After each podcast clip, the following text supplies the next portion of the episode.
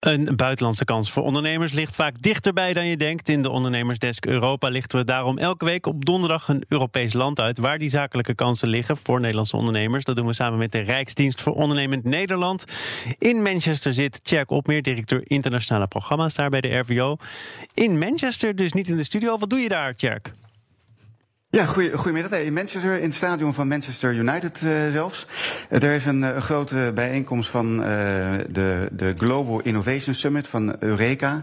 en daar komen allemaal partijen bij elkaar die, die met innovatie wereldwijd bezig zijn. Dus zowel vanuit de overheid en heel veel bedrijven. Dus die brengen we hier allemaal bij elkaar. En daar mocht ik ook naartoe. Kijk eens aan. Ja, er liggen ook kansen bij Manchester United. Want volgens mij wordt die club overgenomen door een Saoedische kroonprins. Maar daar gaan we het niet over hebben. We gaan het wel hebben over de life sciences en health in Nederland uh, een sector waarin we uitblinken. Daar liggen ook kansen in het Verenigd Koninkrijk, hè? Ja, precies. Ja, in het Verenigd Koninkrijk zijn ze druk bezig met zeg maar, de National Health Service, uh, de nationale gezondheidszorg, uh, te, te ja, herorganiseren.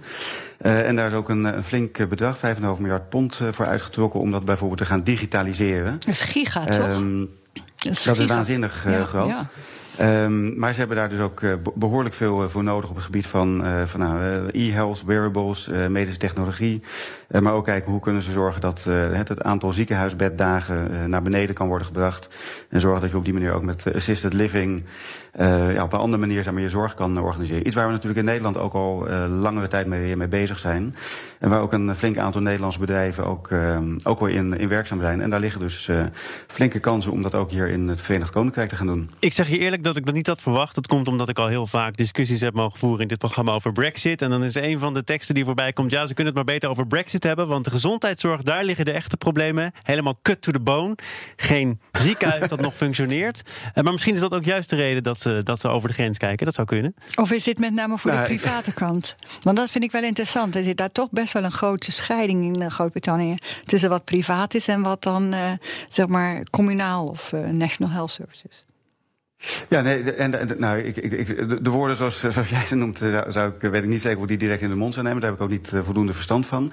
Maar wat je wel ziet is dat er natuurlijk een enorme behoefte is om, uh, om die investeringen te doen. Die moeten ook voor een groot deel in de publieke kant gedaan worden. Maar de publieke kant kijkt ook heel erg naar uh, bedrijven om daarin ja. nieuwe oplossingen te, te, te, bedienen. Dus ik hoorde gisteren sprak ook met een, een bedrijf die hier nu ook is, die met een, met een overheids, een, een community Council in gesprek is om te kijken wat hij kan leveren om aan hun behoeften te voorzien.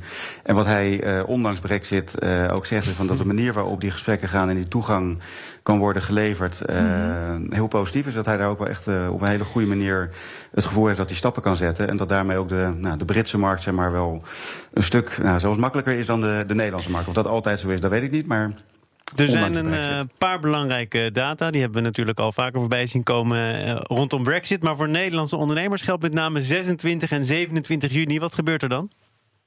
Ja, dan is de, de Health and Care Show in Londen een hele grote bijeenkomst waar duizenden uh, besluitvormers ook vanuit de National Health Service bij elkaar komen. Samen ook met, uh, met bedrijven, nationaal en internationaal. En daar hebben we als Nederland ook een, uh, een soort Holland paviljoen, de Holland Health Innovation Theater. Hmm. En daar is ruimte voor een, een flink aantal Nederlandse bedrijven, van 20 tot 25, om daar ook presentaties te geven. Is het al vol? Hebben, zodat ze dat ook het is nog niet vol. Oké, okay, dus ze uh, kunnen Vandaar dat we hem ook uh, nog ja. aankondigen. Dus bedrijven die kunnen daar nog bij. Er is ook uh, ruimte voor een aantal bedrijven om zich echt nou, actief te presenteren. Dus die roep ik ook, ook graag op om zich te melden. Zodat we daar ruimte voor kunnen in, inruimen om zich daar -huh. echt te presenteren en te laten zien wat ze in huis hebben. En hoe kun je daar dan de potten breken? Wat moet je vooral wel en zeker niet doen? Nou, wat je, wat je wel moet doen is natuurlijk gewoon zorgen dat je een, een, een goede presentatie hebt. En uh, de Britten zijn ook heel erg uh, in die zin kieskeurig van je moet echt ook weer, weer met een goed verhaal komen.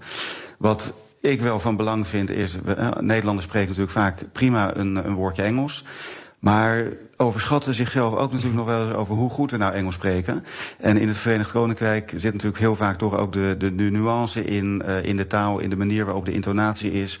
Very interesting kan anders luiden dan very interesting. En nou, ze hebben daar verschillende intonaties. Heb je ook uh, kennis meegemaakt de afgelopen mee. dagen? Ja? Ben je zelf ook al eens een beetje beleefd afgepoeierd?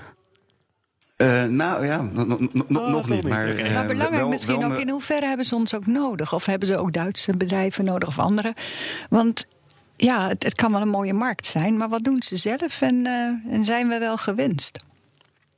Nou ja, wij zijn, wij zijn uh, Nederlandse partners die worden wel heel erg uh, gewaardeerd en gezien als uh, natuurlijk betrouwbaar en innovatief. dus er wordt ook inderdaad echt gekeken, en dat bleek ook de vorige editie van de, de, de Health and Care Show twee jaar geleden.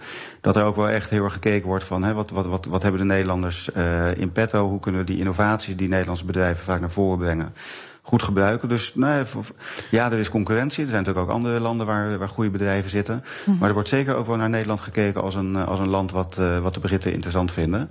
Dus daar zou ik me niet zo'n zorgen over maken. Maar zorg wel dat je goed Engels spreekt en dat je goed uh, ook investeert in de, in de relatie en die persoonlijke band die ook hier uh, heel erg belangrijk is. Omdat de Britten toch iets minder dan de Nederlanders direct zijn. Dus die, die houden er ook van om gewoon een goede relatie op te bouwen. Oké, volgende week dan spreken we elkaar weer. Dan gaat het over Letland. Jack Opmeer, directeur internationale programma's van de RVO vanuit Manchester. Dankjewel.